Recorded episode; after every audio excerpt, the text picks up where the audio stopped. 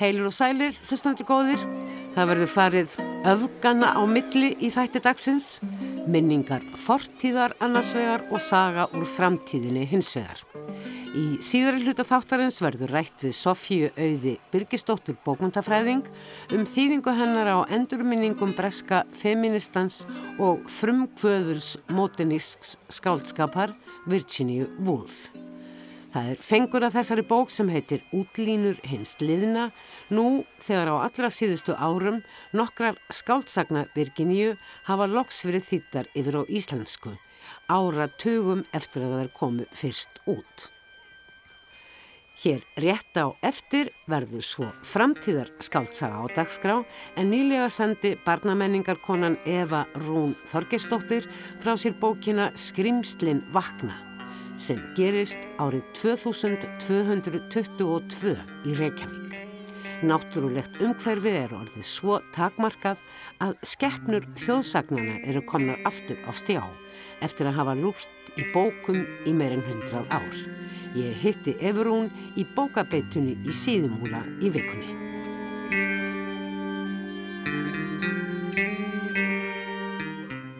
Ég er komin hingað í bókabeituna í síðumúla.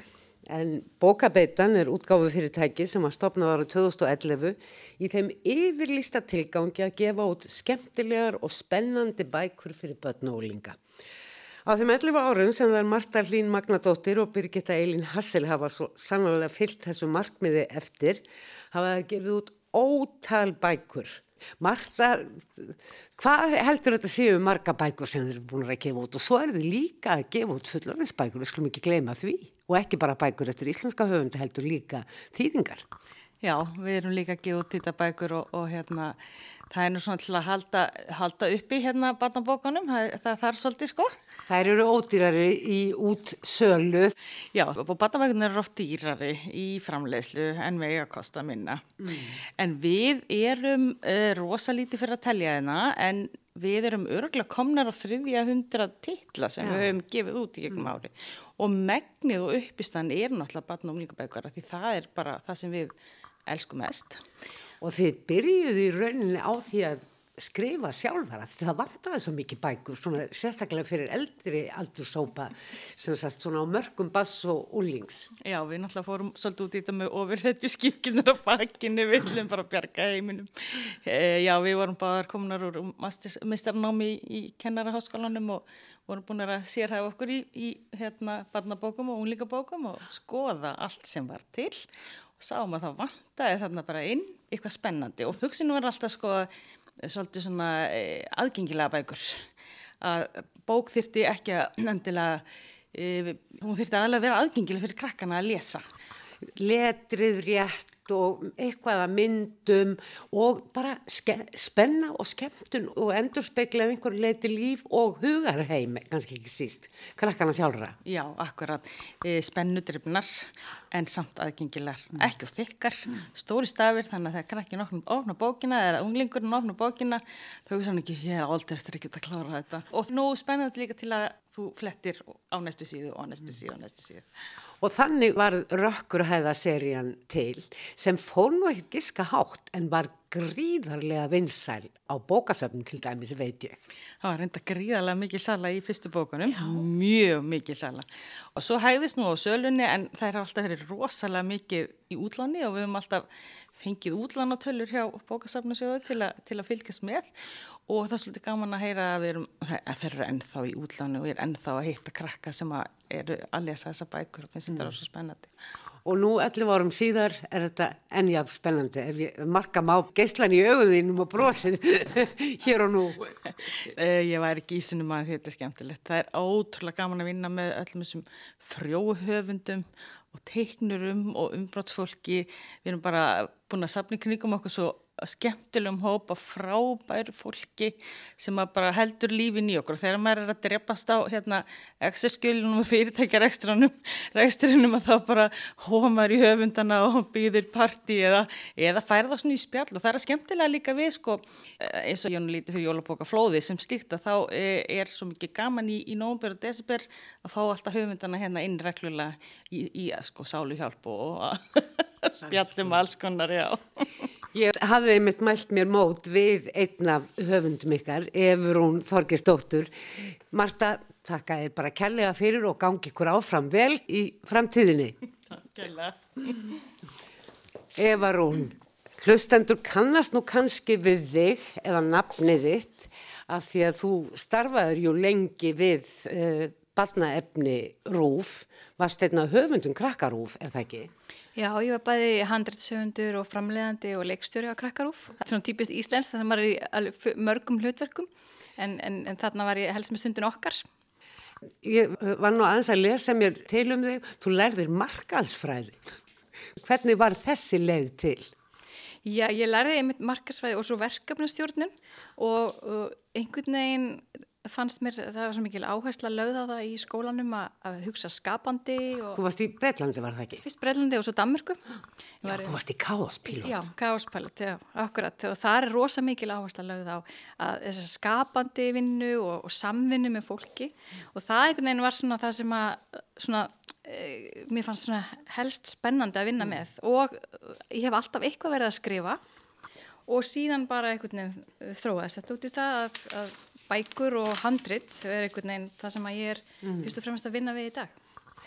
Þú ert nú hægt að vinna á rúf og kannski hægt í fremlistunum en það hefur þau bara sendt frá þér bækur á hvað síðustu, það er ekki tíu á síðan, fyrsta bókin kom út eða hvað? Fyrsta bókin kom út 2011. Var það auður og gamla trið? Já, einmitt sem var svona jókabók fyrir börn.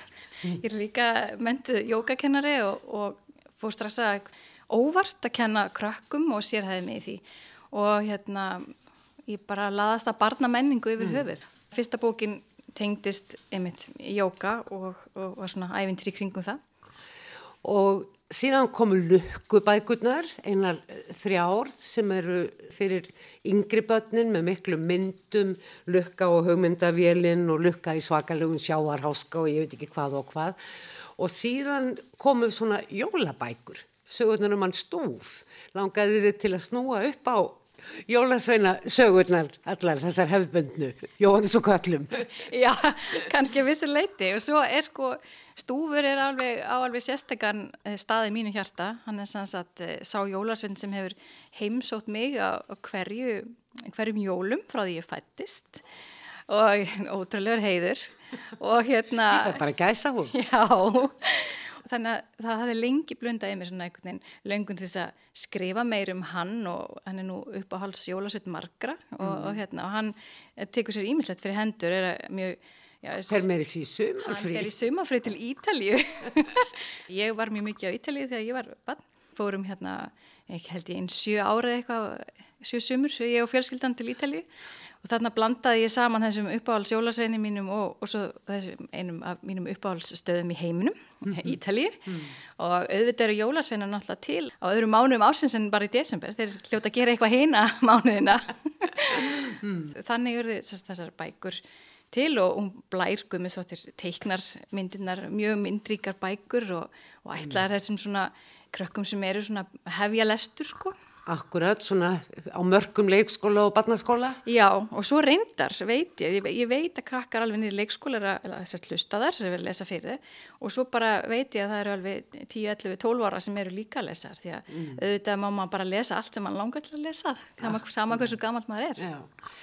Og svo gafstu út aðra bókum jóka, Ró, sem er svona mjög yfirveguð og góð fyrir fjölskyldur. Já, akkurat. Og þar var ég og Bergrún Íris sem mm. að unnum þá bók saman. Mér finnst svo gaman að vinna með teiknurum og einhvern veginn set... Hún er ju teiknari líka, ekki bara uh, uh, textahöfund. Jú, heldur betur. Það er svo skemmtilegt samstarf uh, við að fá að vinna sagt, handritin með teiknurum og þeir bæta alltaf einhverju við sem að mm. maður sjálfur hafði ekki hugsað. Mm. En nú tóstu sem sagt skrefið og skrifaðir stóra sögu. Rendar fáum við bara helmingin af henni núna. Ég er alveg eðandi í skinninu. Ég hef búin að lesa Skrimslin vakna um hana kötu. Þetta er framtíðarsaga en samt er nú margt mjög kunnulegt. En eiga síður, margt hefur líka mjög mikið breyst, byrju þetta er 2222 er það ekki? Jú, akkurat, nákvæmlega.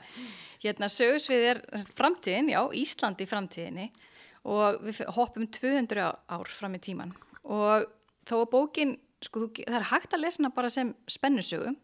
En, Hún er mjög spennandi. Uh, en undirtótnin er svona svolítið þingri og ég hef mjög mikinn áhuga á svona umhverfismálum og, og uh, mér langaði einhvern veginn að setja það inn í skrifin mín og ákvaða að setja það bara inn í skáldsögu og eða ástæðan fyrir því að ég skrifa þessu bókar er mér langaði einhvern veginn bara eiga samtal við krakka um hvernig framtíðin okkar lítur út. Mm. Þetta er og hefur nánast verið frá upphafi vega í barnabókum að það er eiga að vera innan gæsalappa siðbætandi, mannbætandi.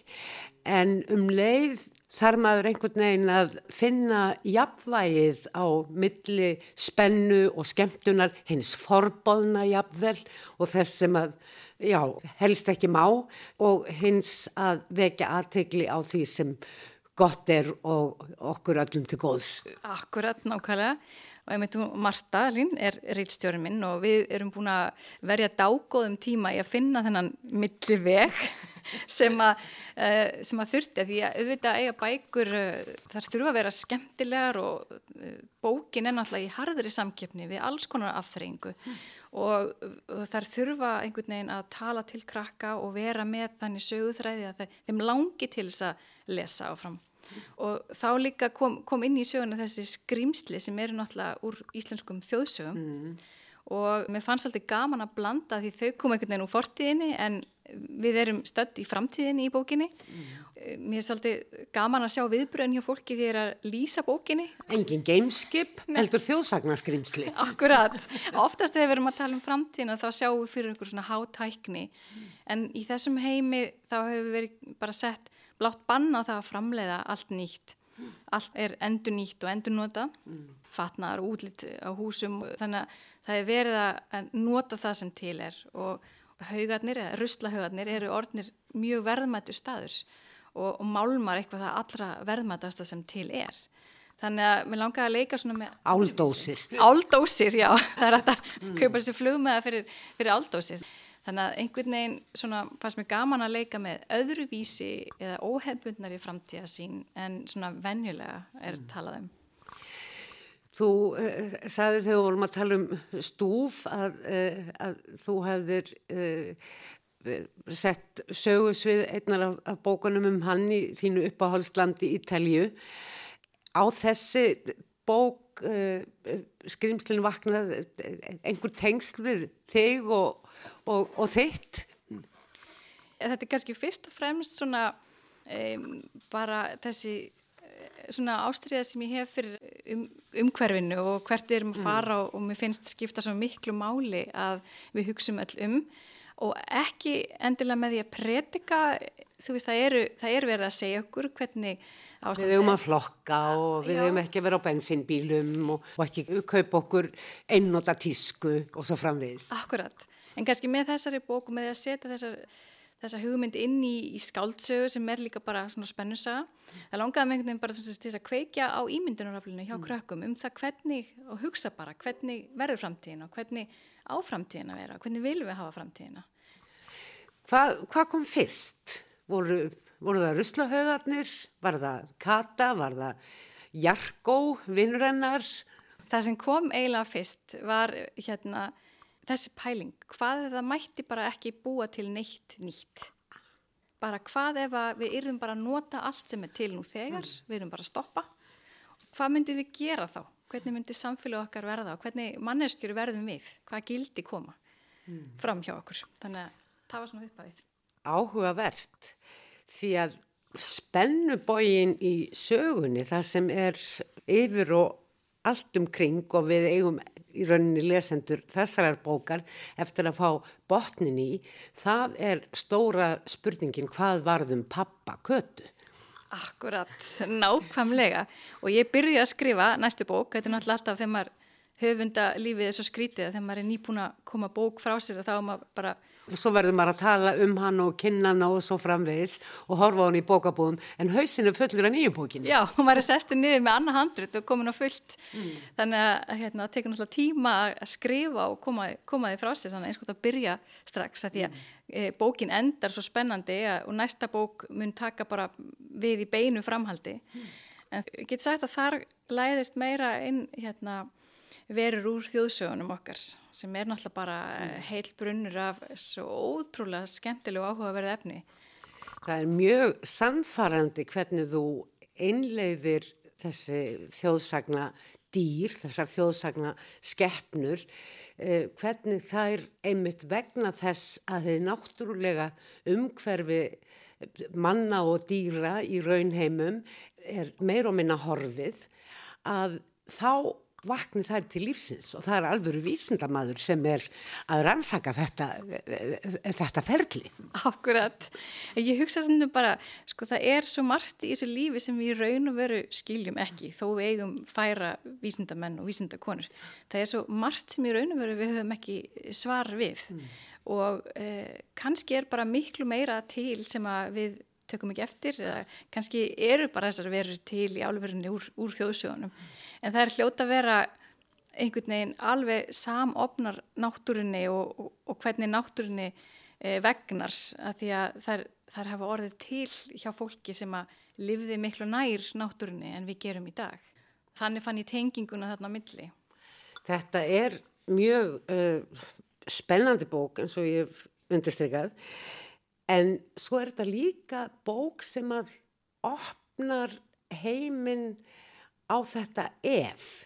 Hvað ef við höldum svona áfram eins og við gerum núna. Sá heimur sem gæti blasað við afkomendum okkar, hann verður mjög ljóðslifandi og hvernig fólk tekst á við hann og það gerir það í rauninni bara eins og við tökum á við okkar heim. Það er það skemmtilega. Þetta er ekki algjörlega nöturlegt en við verðum samt að passa okkur. Já, algjörlega. Þetta er bara annar raunveruleiki og, og við erum alveg ótrúlega við mannfólkið með, með alveg ótrúlega mikla aðlegunar hæfni og hérna, ég vildi alls ekki búa til einhverju svona hræðslu, einhvern hræðslu áróður og mm. því það er mjög auðvelt að verða hrættur og, og finna mikinn kvíða og, og þú veist, krakkar, ég orðið vörð við það og ég starfa náttúrulega, starfa mikið með krakkum síðust árin og þetta viðfangsefni hræðir og líka okkur fullana fólki, það vill eða enginn í raun og veru tala um þetta eða hugsa um þetta, að þetta er óþægilegt og, og krefst einhvers af okkur sem að við kannski erum ekki tilbúin að sleppa hendin af. Þess vegna er þetta ekki rillingsmynd sem ég sett upp í þessari bókum framtíðan, heldur bara annar raunveruleiki en það er samt eins og þú segir að huga að því sem er að gerast og aftur standa fram fyrir þessari, þessari ákvörðun sko, hvert viljum við fara, hvað þurfum við að gera þess að fara þánga En hún að fá pínulítið dæmi úr bókinni, hún var að lifa hennar hljóma?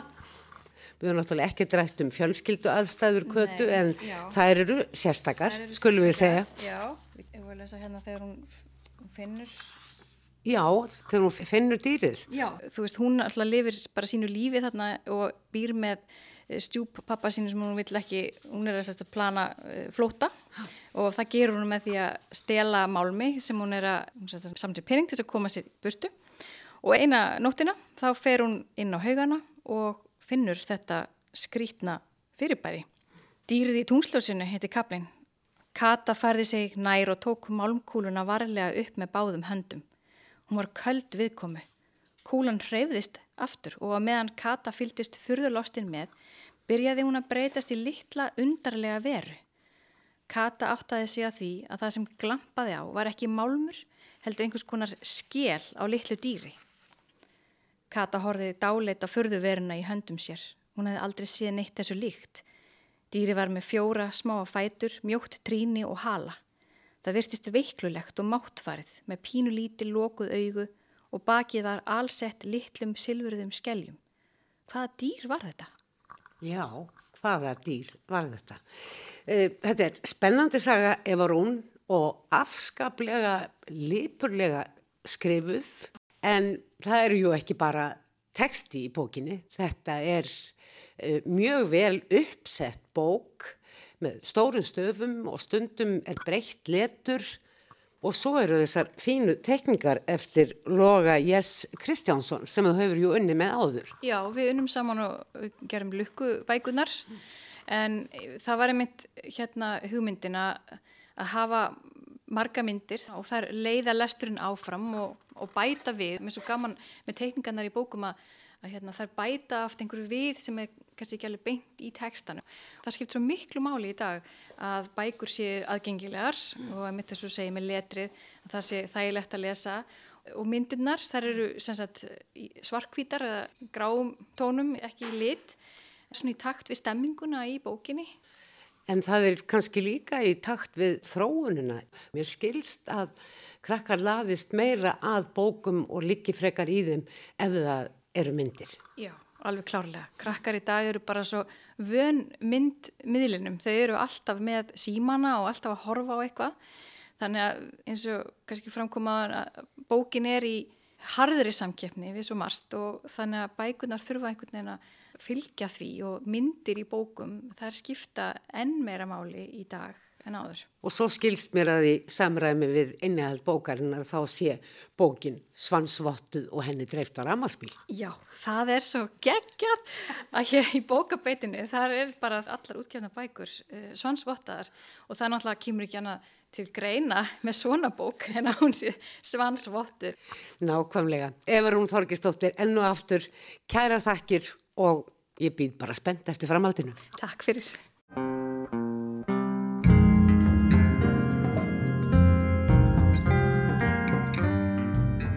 Sofía Auður Birgisdóttir bókmyndafræðingur starfar sem fræðimaður við rannsóknarsettur Háskóla Íslands á hefni í Hornafyrði og hún er einna virkust íslenskra bókmyndafræðinga. Hefur skrifað jöfnum höndum fræðigreinar um bókmyndir bæði eldri og yngri tíðar og bókmyndagaggrinni í blöð og tímaritt um árabil. Hún hefur gengt margvíslegum trónaðastörfum í tengslum við bókmyndir meðal annars var hún á sínum tíma í valnend bókmyndavellunar Norðurlandar ás. Þá hefur hún skrifað og eða reittstýrt allmörgum bókum, engum um hvennabókmyndir. Þórbergur Þórðarsson og verk hans voru rannsóknarefni Sofíu í doktorsritgerð hennar. Ég skapa, þess vegna er ég, sjálfsmyndir sköpun og fagurfræði í skrifin Þórbergs Þórðarssonar og árið 2015 sendi hún frá sér samnemnda bók byggða á ritgerðinni.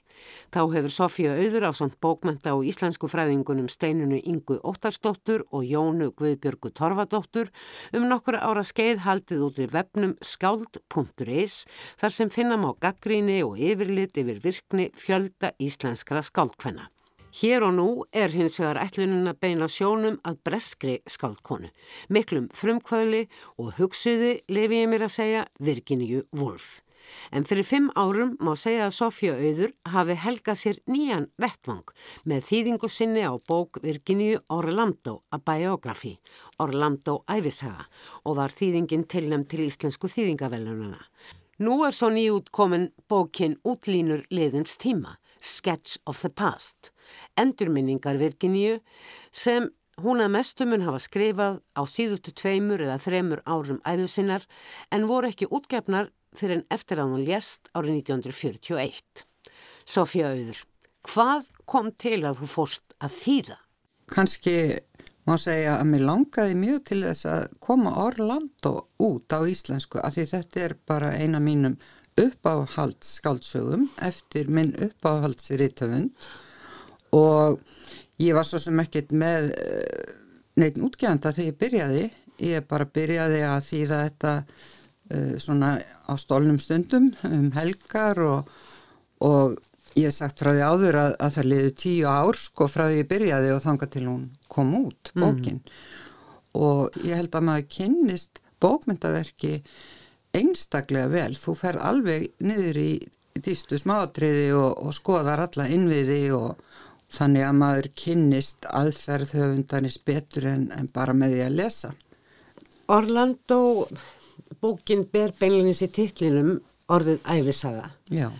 Og er það það sem að heillar þig, þessi skapandi samfundir á milli skáldskapar og, uh, já hvað ég segi, í Orlando er það kannski meira hugleðingar og meðan að bókin sem við ætlum nú aðalega fjallum útlínur liðins tíma er þetta skapandi samstarf á meðli skálskapar og leitarinnar að sannleikanum að því Já. sem raunverulega gerðist. Þetta náttúrulega var líka viðfangsefni mitt í doktorsitgerinu um Þórberg. Þórbergur skrifar alltaf um sína eigin æfi og þar er stefnum átt skáldskapar og, og æfi og, og tilverður þetta form sem að Guðbergur uh, kallar skáldæfisögu og hitti alveg naglan og höfuð með þeirri nafngift. Nú og Virginia Woolf alla, var alla tíð mjög upptekinn af æfisögum og, og Og bækur hennar líka þær sem að beinlinis hafa verið titlaðar skáldsögur byggja á hennar æfi og hennar fjölskyldu. sérstaklega út í vitan uh, þegar þú lest útlínur liðins tíma þá áttar þau á því að hún er svo sannarlega að lýsa foreldur sínum þarna í Ramsey hjónanum í út í vitan og, og svo var hún, sko hún skrifaði náttúrulega bókmyndagaggríni sko fyrir utan sína skáldsögur skrifaði hún um 500 greinar í, í Times Literary Supplement og fleiri tímarit Og hún segir hérna í uh, útlínum leðins tíma að sko hún hafi lesið ókjöra æfisögum en samt veit hún ekki hvernig hún eigi að nálgast þessar mm. æfiminga sínar. Og við sjáum þess að glímu við formið sko, alltaf koma upp aftur og aftur í hennar huglegin.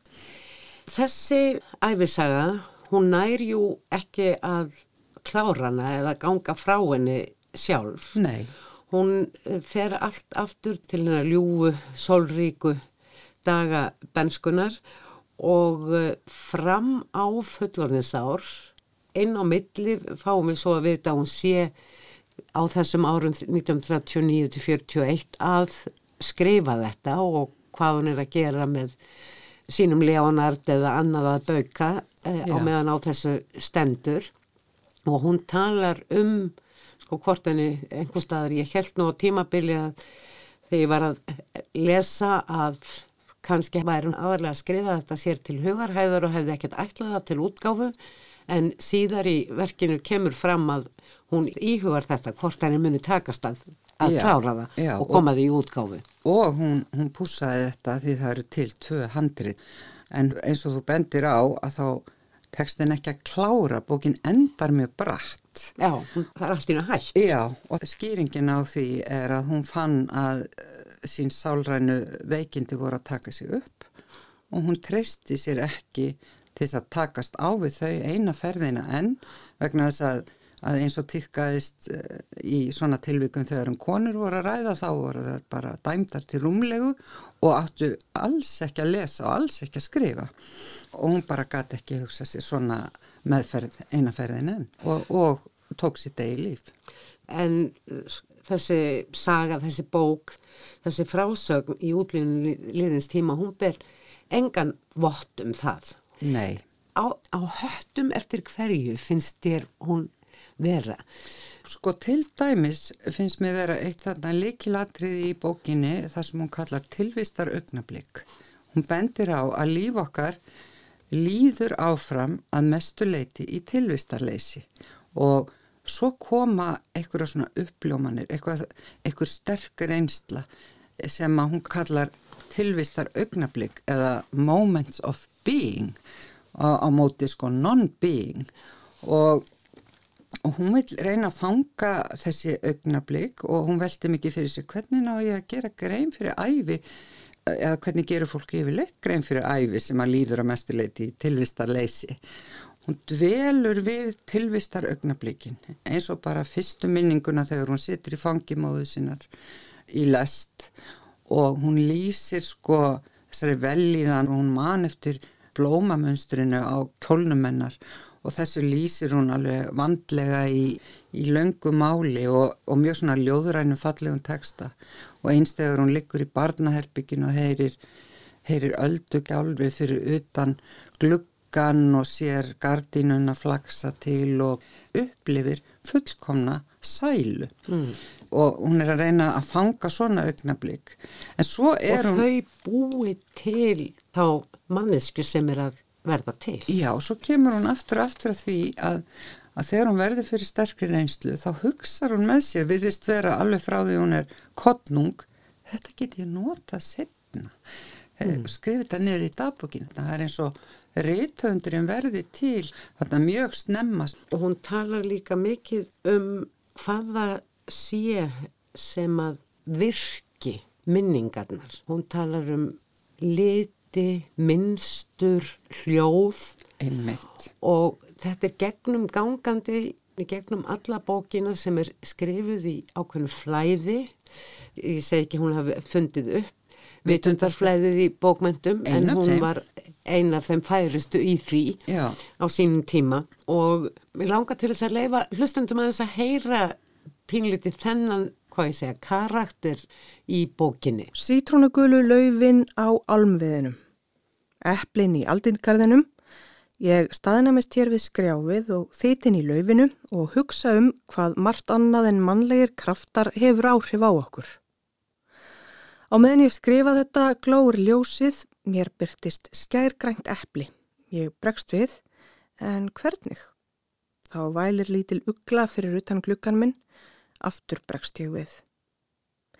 Í yfirfærðri merkingu gæti ég notað myndmál til að útskýra hvað ég meina.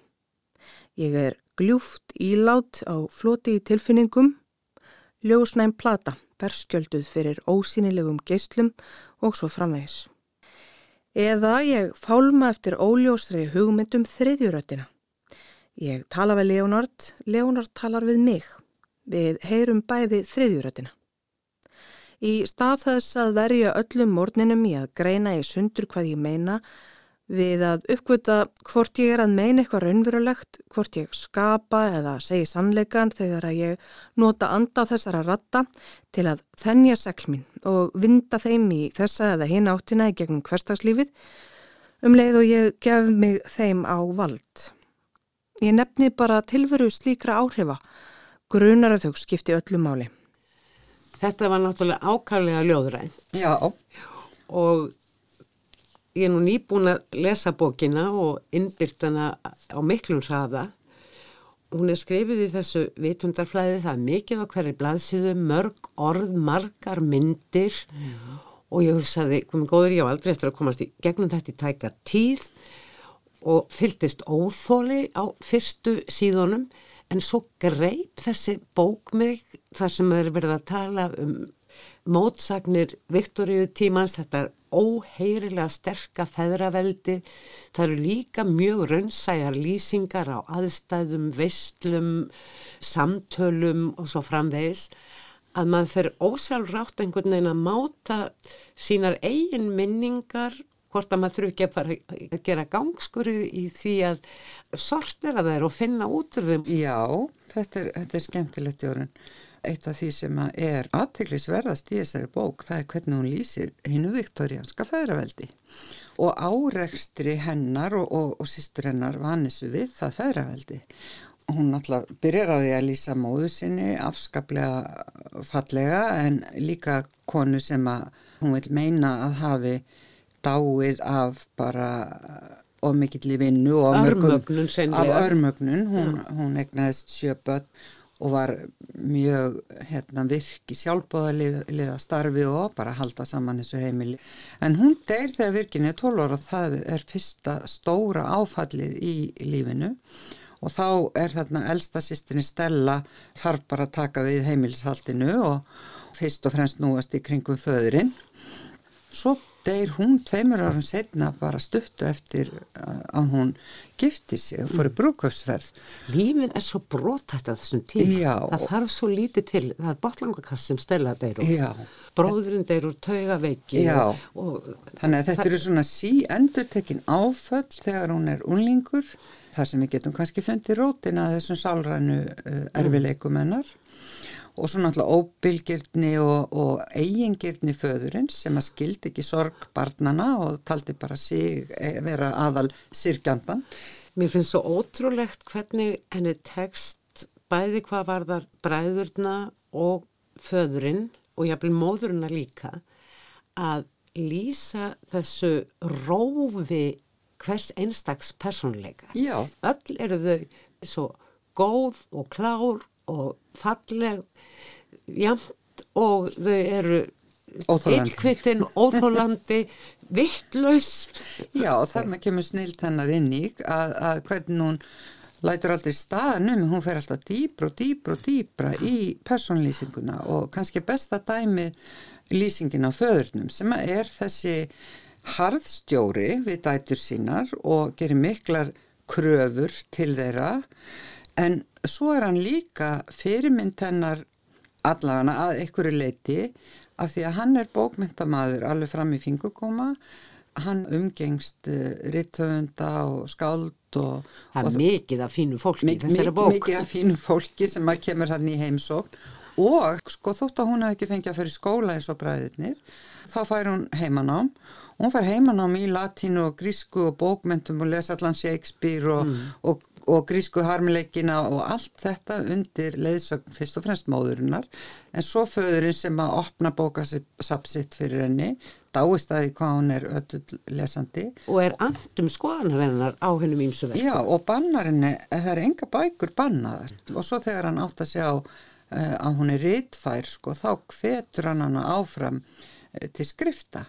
En hún ræðir svo hans verk og þau höfðu ekki til hennar, hún er ekkit að draga fjöður yfir það. En það er samt aðtiklisvert að miðað við höfundaverk virkinu að hann er æfisagnarítar. Hann er æfisagnaritari og hann er náttúrulega, hann er stopnandi þessa merku alfræði bókar um bresk skáld og hann byrjar að skrifa í það verk árið sem virkinni að fæðist og þá kom þetta út held í 2-3 binda ári í Stafrósöð. Nú er þetta allt komað á neti og komnar alveg fleiri þúsund fæslur í þetta.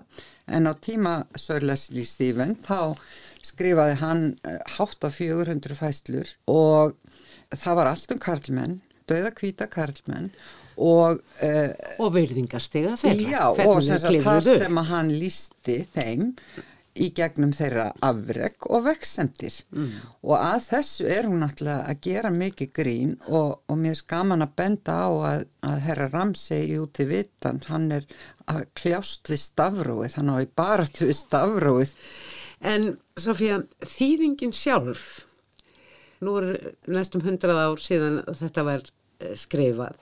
Já, og uh, mér finnst, finnst þýðingin renna alveg ofbáslega vel og hnöyt í raunin ekki um neitt en ég íhugaði til dæmis þú notar orðið sódómska já, í staðin fyrir að nota samkynneið Já. til dæmis sem er Já. það orð sem við notum í dag. Hvaða orð notar virkir hún sjálf? notar það, Já.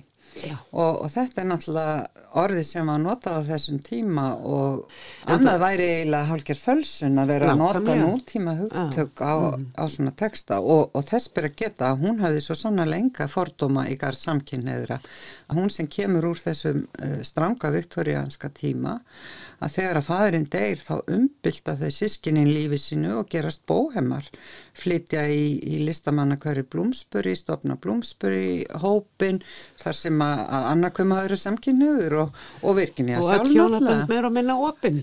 Opin hjónabönd. Og lauslæti bara til fyrirmyndar. Já, já, það var frjálslindi sko og þetta er svo ótrúlega skrítið hvað hún lifir þarna tvenna tíma en það segir hún á einu stað það vantaði í raun og veru kynnslóða milli okkar og foreldra okkar. Það var miklu lengra bil á milli okkar en árin sögðu til. Það er ekki nómið að þú þýðir bókina Sofía Auður. Þú skrifa líka uh, eftirmála þar sem þú rennir í gegnum líf Virginia Woolf og uh, helstu verk og aðstæður allar og útgáfusögu þessa handrits. En aukin heldur ertu líka með neðamálskreinar þannig að, að við fáum svona aðeins mynd af fyrir fólki skáldum, hugsuðum, málurum og svo framvegis sem koma fyrir í bókinni. Þér var þetta mikilvægt Já. sem fræðimahurinn að koma þessu líka á framfæri. Já, það er fullt að, að fínu fólki sem kemur fyrir og alls konar fólki reyndar og mér finnst það bara skemmtilegt að, að lesendur eh, getur fengið svona eitthvað að vita um þetta fólk.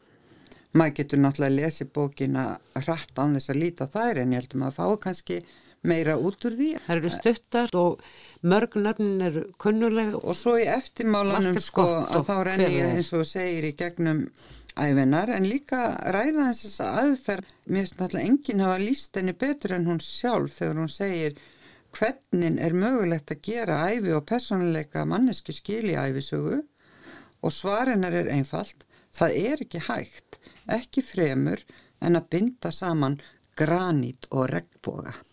Sannleikan og uh, skáldskapin Já, sem við hóum þetta spjalljú Já. á að reyfa svo litið. staðirendirnar og tilfinningarófið og upplifinirnar.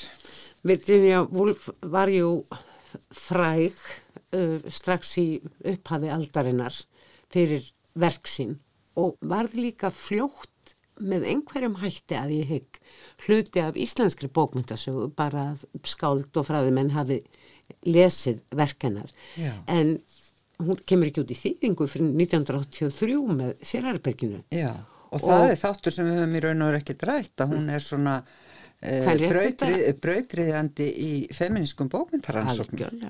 Og, og sérherbyggi sem Helga Krestitti er náttúrulega sko grundvallaritt í þeim fræðum öllum.